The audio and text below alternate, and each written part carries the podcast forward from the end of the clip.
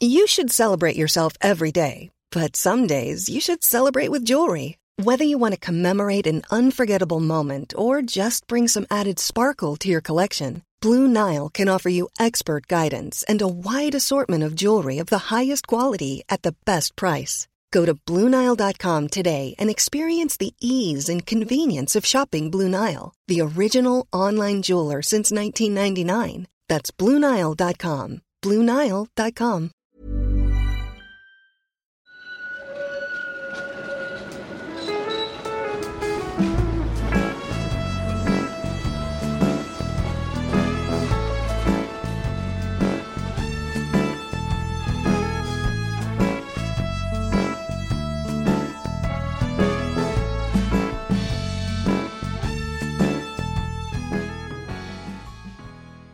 Ja, men eh, välkomna tillbaka då. Det har eh, gått en eh, vecka sedan sist, eh, för de flesta, i alla fall de som följer oss. Mm. Och eh, vi sitter ju som vanligt i ett eh, Göteborg som är plus 25 eh, molnfritt och lätt bris, eller hur? Mm. Men idag ska vi prata om en båtbro, eller? En bro av skepp, En bro av skepp. eller en säga- skeppsbro. Ja, varför som heter det Skeppsbron?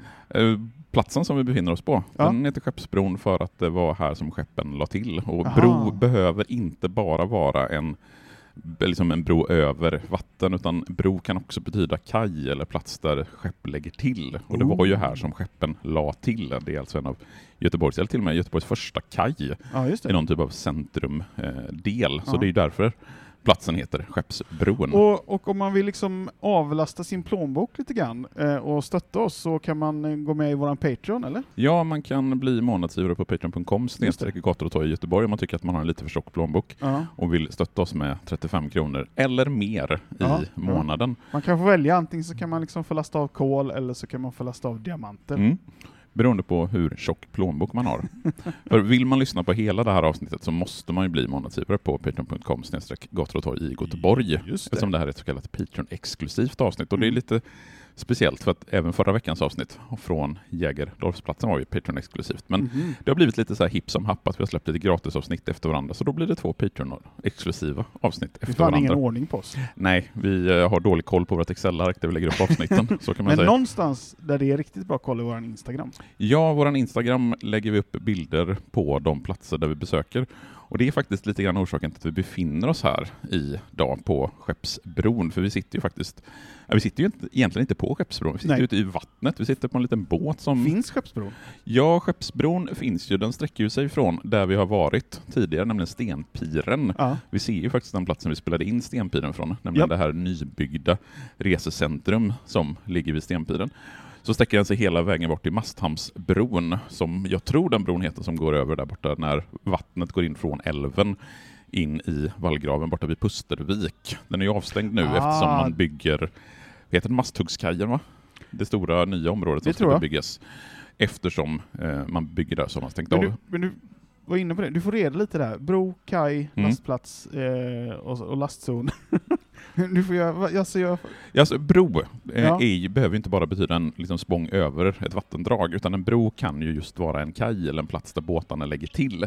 Och skepp, det är ju ett annat ord för båt, så skeppsbro det är alltså en plats där båtarna lägger till. Så skeppsbron var helt enkelt, här la båtarna till när man byggde det till en kaj. Eh, så Skeppsbron då, eller ja, där vi sitter, vi sitter ju lite bredvid Skeppsbron får vi väl ändå påstå, mitt på vattnet. Eh, men hur länge har den här platsen funnits? Ja, alltså de tidigaste benämningarna av den här platsen som Skeppsbron, då är vi i mitten på 1800-talet. Platsen har också kallats för Strandgatan och tittar man i Göteborgs adresskalendrar från slutet av 1800-talet så heter den både Skeppsbron och Strandgatan. Huvudnamn som Skeppsbron, det får den först 1895, även om den också kallats det sedan 1852 tror jag det. Och i adresskalendern 1905 så definierar man Skeppsbron som Strandgatan från Skeppsbroplatsen och västerut. Men kan det då vara så eh, att eh, det här kaféet vi sitter i som är på en båt, det är därför vi sitter bredvid, det känns lite som att den här båten kunde varit med från 1852. Ja, ja, vi får väl fråga kaféägaren hur länge den här båten har varit med. Den har inte legat här sedan 1852, det vet jag, men båten är ju uppenbarligen ganska gammal. Ja. Det är så skeppscaféet vi sitter på som är en relativt nykommen del av Skeppsbron. Mm. Och tittar man på kartor från det tidiga 1900-talet så sträcker sig Skeppsbron faktiskt hela vägen bort förbi Järntorget hela vägen bort till ja, men typ där Johannesplatsen, eh, eller Masthuggstorget känner väl mer folk till. Vi har ju varit vid. Johannesplatsen, men så långt bort sträcker sig Johannesplatsen är typ eh, cirkulationsplatsen va? Ja. Mm. Och den delen som då är den nyaste delen, alltså den festligaste delen, namnändras 1930 till Andrégatan och sedan dess så har Skeppsbron i princip varit, ja men säg från Stenpiren bort till bron som går in vid Pustervik. Är det an André från de här eh, Nordpolsexpeditionerna? Det är som- från André-expeditionen. Den var ju lyckad, Nej, den gick inte jättebra, så kan man ju säga. men han fick en gata uppkallad efter sig i alla fall. Ja, grattis till eh, Samuel August André. Ready to pop the question? The jewelers at BlueNile.com have got sparkle down to a science with beautiful lab grown diamonds worthy of your most brilliant moments. Their lab grown diamonds are independently graded and guaranteed identical to natural diamonds, and they're ready to ship to your door. Go to BlueNile.com and use promo code LISTEN to get $50 off your purchase of $500 or more. That's code LISTEN at BlueNile.com for $50 off. BlueNile.com code LISTEN. Hold up. What was that? Boring. No flavor. That was as bad as those leftovers you ate all week. Kiki Palmer here, and it's time to say hello to something fresh and guilt-free. Hello Fresh. Jazz up dinner with pecan-crusted chicken or garlic butter shrimp scampi. Now that's music to my mouth. Hello Fresh. Let's get this dinner party started. Discover all the delicious possibilities at hellofresh.com. Men varför tog det så lång tid innan det fick heta Skeppsbron? Ja, alltså det är först under 1800-talet som platsen börjar bebyggas och det är först på 1800-talet som vi får ett hamnrå, hamnområde, alltså en kaj eller en skeppsbro här. För tidigare i Göteborgs historia så hade det inte varit möjligt för djupgående fartyg att ta sig in i älven, utan då hade de varit tvungna att lägga till ute vid Klippan. Det pratade du en hel del om i avsnittet om just Klippan. Och den delen som idag är Stenpiren och Skeppsbron, Skeppsbron det var vassmarker Eh, som det beskrivs i någon av böckerna, en sumpig och långgrund del av en älv som var så bred och gyttig att det bitvis var så svårt att avgöra vad som var land och vad som var vatten. Så det gick helt enkelt inte att använda den här marken. Och dessutom så sträcker ju sig Göteborgs befästningar även ut på älvsidan. För stadens befästningar ut mot älven anlades omkring mitten av 1600-talet om vi tittar på äldre kartor. Och den delen som sträcker sig ut mot älven var dels en liten bastion från Stora Bommen som utgjorde inlopp till Stora Hamnkanalen. Och sen så gick den vidare i en kurtinmur längs med ungefär där Stora Badhusgatan går, alltså där spårvägsspåret bort till Järntorget. Och sen där Lilla Badhusgatan idag ligger så låg den så kallade Badstugebastionen och längst bort vid Skeppsbron så hade vi den så kallade Hållgårdsbastionen och då är vi ungefär där Esperantoplatsen ligger idag. Och Men var det inte så att det fanns någon sån typ runt badhus här, när vi pratade om... Ja, eh, och det pratade vi en del om i avsnittet om Stenpiren, så vill man det. höra just om badhuset så Ja. kan man lyssna på avsnittet om Stenpiren. Och sen fanns det förmodligen en pålspärr en bit ut i älven och, från kartor, och på kartor från 1675 och därefter så kan man också se att det är ett sänkverk inritat som har legat en liten bit längre ut i älven. Och de här pålspärrarna och sänkverken de är ju till för att förhindra att fartyg kommer nära själva muren. Framförallt krigsfartyg antar jag. Framförallt danska fartyg skulle jag säga. det spelar ingen roll om det var vad det var för typ av fartyg. Nej, var, bara, var det danskt? dansken så- ska hållas borta.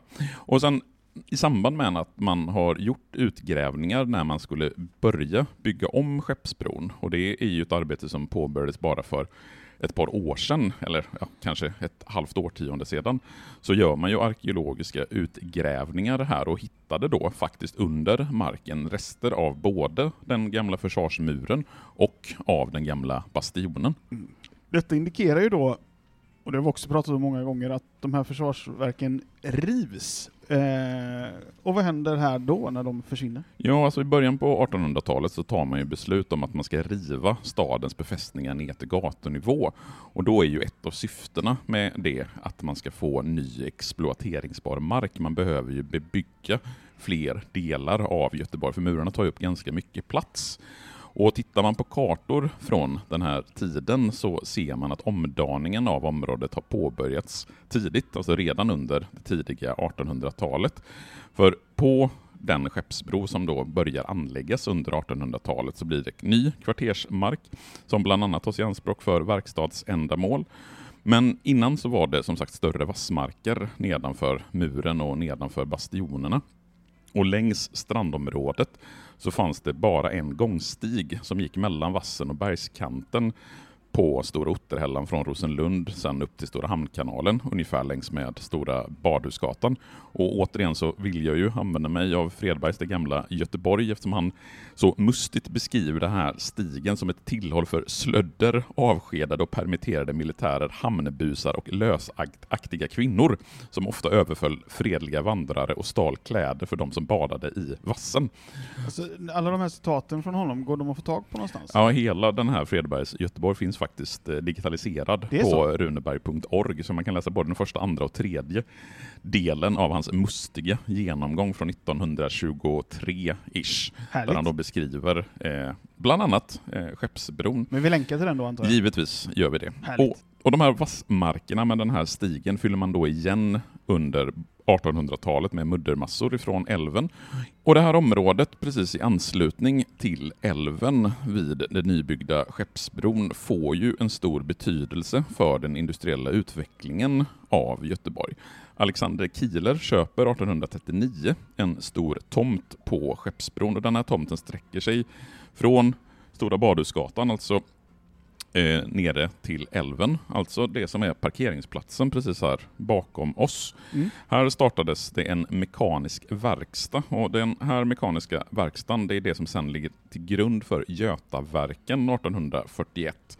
För i mitten på 1800-talet så flyttar man hela verksamheten tvärs över älven till Hisingssidan. Och den här anläggningen vid Skeppsbron som man då börjar sin verksamheten, den innehåller i inledningsskedet en 100 meter lång fabriksbyggnad, ett gjuteri och magasins och förrådsbyggnader. Och ett av de mer betydande arbetena som Kielers verkstad tog sig på vid den här tiden var uppförandet av en ångmaskin som hade 120 hästkrafter och den använde man vid Rosenlunds spinneri under mitten av 1800-talet. Och när sedan Skeppsbrokajen växer fram under 1860-talet så förlorar ju den här mekaniska verkstaden direktkontakt med vattnet, vilket gör att man flyttar varvsrörelsen över älven till Hisingen 1867. För förutom att man tillverkade bland annat ångmaskiner så hade man by börjat bygga båtar här på Kielers mekaniska verkstad. Men när man då bygger Skeppsbrokajen så blir det inte riktigt lika lätt att komma åt vattnet för den här verkstaden, vilket gör att det blir smidigare att flytta verkstaden över till hissingen och på så vis så lägger man grunden till Götaverken. Det som är kvar av fabrikstillverkning det är bland annat järnsänga, jordbruksredskap och kyrkklockor. Och under början av 1900-talet så inriktar sig verksamheten mer mot varvet och den gamla fabriksbyggnaden övertas, övertas av diverse småföretag och sen rivs hela fabriksbyggnaden under slutet av 1960 och början av 1970-talet. Vi har en väldigt sån här härlig bild på fabriksområdet här också. Den antar jag också vi delar med oss på Instagram. Alla våra bilder kommer givetvis att komma upp på Instagram. Härligt. Du nämnde Skeppsbrokajen. Vad är det? För det är tydligen inte en bro då? Nej, det är ju en kaj där fartyg eller båtar lägger till. Och Skeppsbron, eller Skeppsbrokajen, var tillsammans med Stenpiren den första kajen som anlades längs med Göta älv. Och som jag nämnde tidigare så var det omöjligt för de stora fartygen att komma hela vägen in, utan de fick stanna ute vid klippan.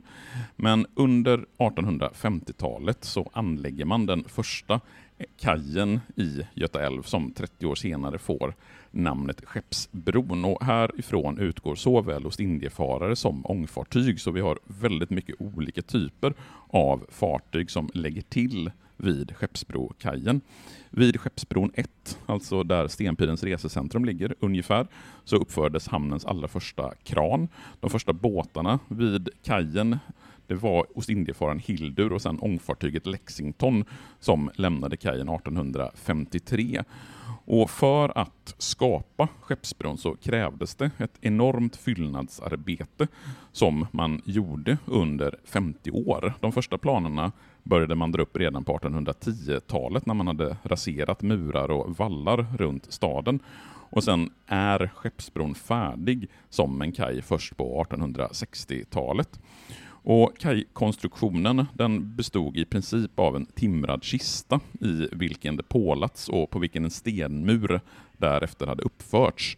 Och sen bakom stenmuren, stenmuren så hade man lagt fyllning av sand och i mitten av 1900-talet så anlade man ett modernare kajparti utanför den gamla kajen mellan Stenpiren och Verkstadsgatan. Så Skeppsbrokajen det är alltså en kaj där båtar lägger till som har sitt ursprung från det tidiga 1800-talet och sen står färdig i mitten av 1800-talet skulle man kunna säga. Men om jag då förstår det rätt så har man liksom tagit mer och mer av älven i anspråk för Ja, för det är ju ganska intressant när man tittar och jämför gamla kartor med nya. Och det är på fler ställen än här vid Skeppsbron. Det kan man se på många ställen, bland annat borta vid Eriksberg som vi bör åka till och göra ett avsnitt om snart. Successivt genom årtionden så är det mer och mer av älven som på något sätt blir kajer och land man fyller igen så att älven blir smalare och smalare helt Där enkelt. har vi också en potentiell sommarspecial. Stadens alla kranar. Ja, det finns många olika... I kronologisk ordning. Precis. Där, där, ja. Yes. Och tittar man på äldre fotografier så kan man tydligt se att det ligger båt efter båt efter båt längs med Skeppsbrokajen, så det var ju en livlig plats. Och ett av de bästa fotografierna som jag har hittat från Skeppsbrokajen, det är faktiskt ett fotografi som finns här i, vid det som man kallar för Playa Skeppsbron, Mm. där det är eh, en handfull solstolar. Och där finns också ett jättestort fotografi från det gamla Skeppsbron på 1800-talet som jag givetvis kommer att lägga upp på Instagram. Mm. Men eh, det finns ju en ganska, som sagt, tydlig koppling till industri. Mm. Eh, och där har vi ju järnvägsspår som har gått här också. Ja, för tittar man på andra bilder från sent 18 tidigt 1900-tal så ser man ju att det går tågtrafik och tittar man på kartor så ser man just de här järnvägsspåren. För järnvägen växer ju fram i Sverige under andra halvan av 1800-talet. Centralstationen byggs och, alltså centralstationen här i Göteborg byggs och kopplas samman med det framväxande järnvägsnätet.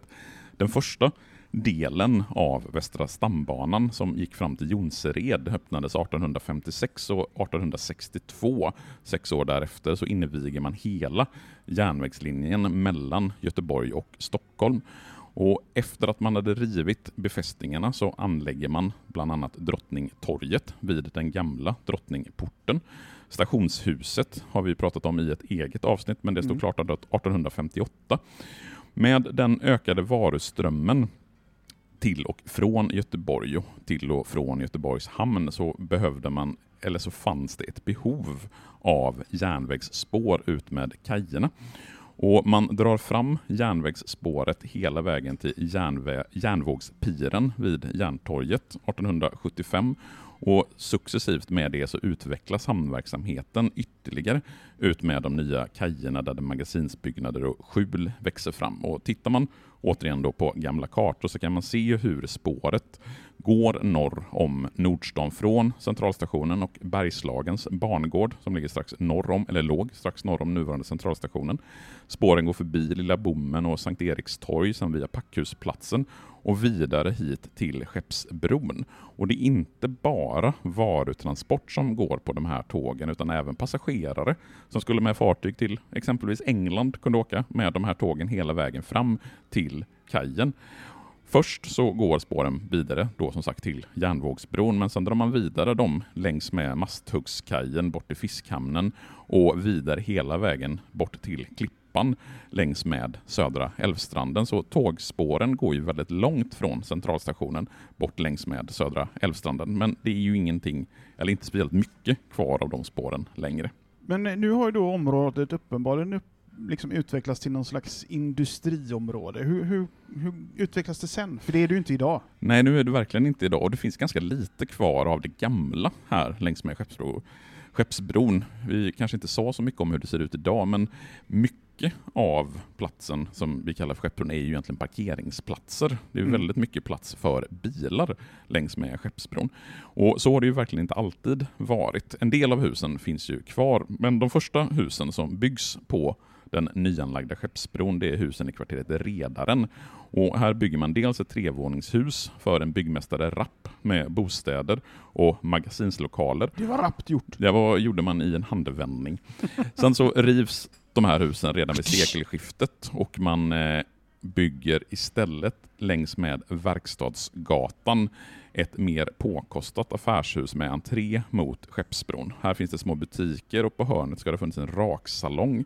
Flera firmor med anknytning till sjön hade sin verksamhet i husen. Café Viking låg under många år i bottenvåningen. Sen rivs det här huset 2002 och har alltså använts så som parkeringsplats sedan dess. Nu när jag tittar här. Det huset som vi har bara en platt vägg, rött där, med Ja. det nya till vänster. Det är det som syns på denna bilden som står bakom. Ja, precis. Så, Så det de, hela det huset där framför på denna bilden, vi lägger såklart upp denna så ni kan se Mm. den också. Det är då borttaget och rivet. det revs då ersatt. 2002. Ja, och ersatts med parkering. Ja, Ja. så som man gärna gör i Göteborg. och det huset som finns kvar, alltså där kinesiska muren länge låg i bottenvåningen, det som du ser där med den Mm. eh, röda plåtfasaden, det byggs 1914 och var ett kontorshus för olika handels och shippingföretag. Här fanns en cigarraffär och Göteborgs Handelsbank och 1961 så flyttar vad som på många ställen påstås vara Sveriges första Kina-restaurang, Kinesiska muren, in och då är det Liu Wanchun som då ska ha öppnat Sveriges första renodlade Kina-restaurang. Det kinesiska köket har ju funnits i Sverige sedan 1940-talet. Det pratade vi om i avsnittet om Södra vägen. Vi har pratat om det ganska många gånger också, och kanske framförallt har vi pratat om att det vi tror är Kina-mat inte är det. Nej, det är ju Så vad väl- serverar de här? Jag har inte gått och tittat på gamla menyer, men Nej. jag skulle nästan kunna ta gift på att man kunde käka tre små rätter och eh, friterade bananer i, med glass Ja. på kinesiska muren. Kinesiska muren flyttade dock ut sommaren 2016 och sedan dess så har lokalerna stått tomma i det här huset. Ja, och precis som för mongolerna som sprang in i muren så är detta också änden för de som inte är Patreons, eller hur? Ja, ni får bara lyssna fram hit till den kinesiska muren. Vill Ja. ni lyssna på fortsättningen om bland annat Merkurhuset och Mm. hur Skeppsbron fortsätter att utvecklas Mm. så får ni gå in och bli månadsgivare på patreon.com torg i Göteborg. Yes. Annars så hörs vi igen om en vecka. Eller så kanske vi ses den 15 oktober på, i samband med stadsvandringen som vi alltså har lördag den Just 15 det. oktober. Om det inte ösregnar den dagen, vilket jag hoppas att det inte gör. Då kommer ni även få se mig, Ja, men jag har en sån, som vanligt, en, bara en liten sån biroll. mm, kommer knappt synas bakom mig som är så väldig. Nej, men kom gärna till stadsvandringen den 15 oktober. Länk till anmälan finns i avsnittsbeskrivningen och även på Instagram. Eh, annars hörs vi igen om en vecka då vi gör ett nytt avsnitt. Hej då! Hej!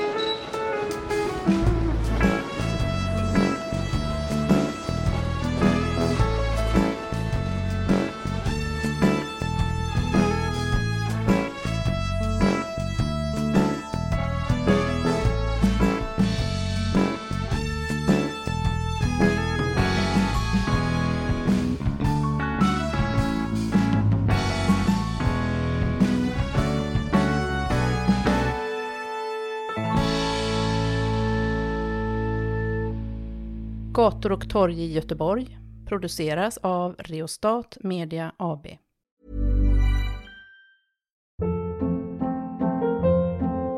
Hold up. What was that? Boring. No flavor. That was as bad as those leftovers you ate all week. Kiki Palmer here, and it's time to say hello to something fresh and guilt-free. Hello Fresh. Jazz up dinner with pecan-crusted chicken or garlic butter shrimp scampi. Now that's music to my mouth. Hello Fresh. Let's get this dinner party started. Discover all the delicious possibilities at hellofresh.com.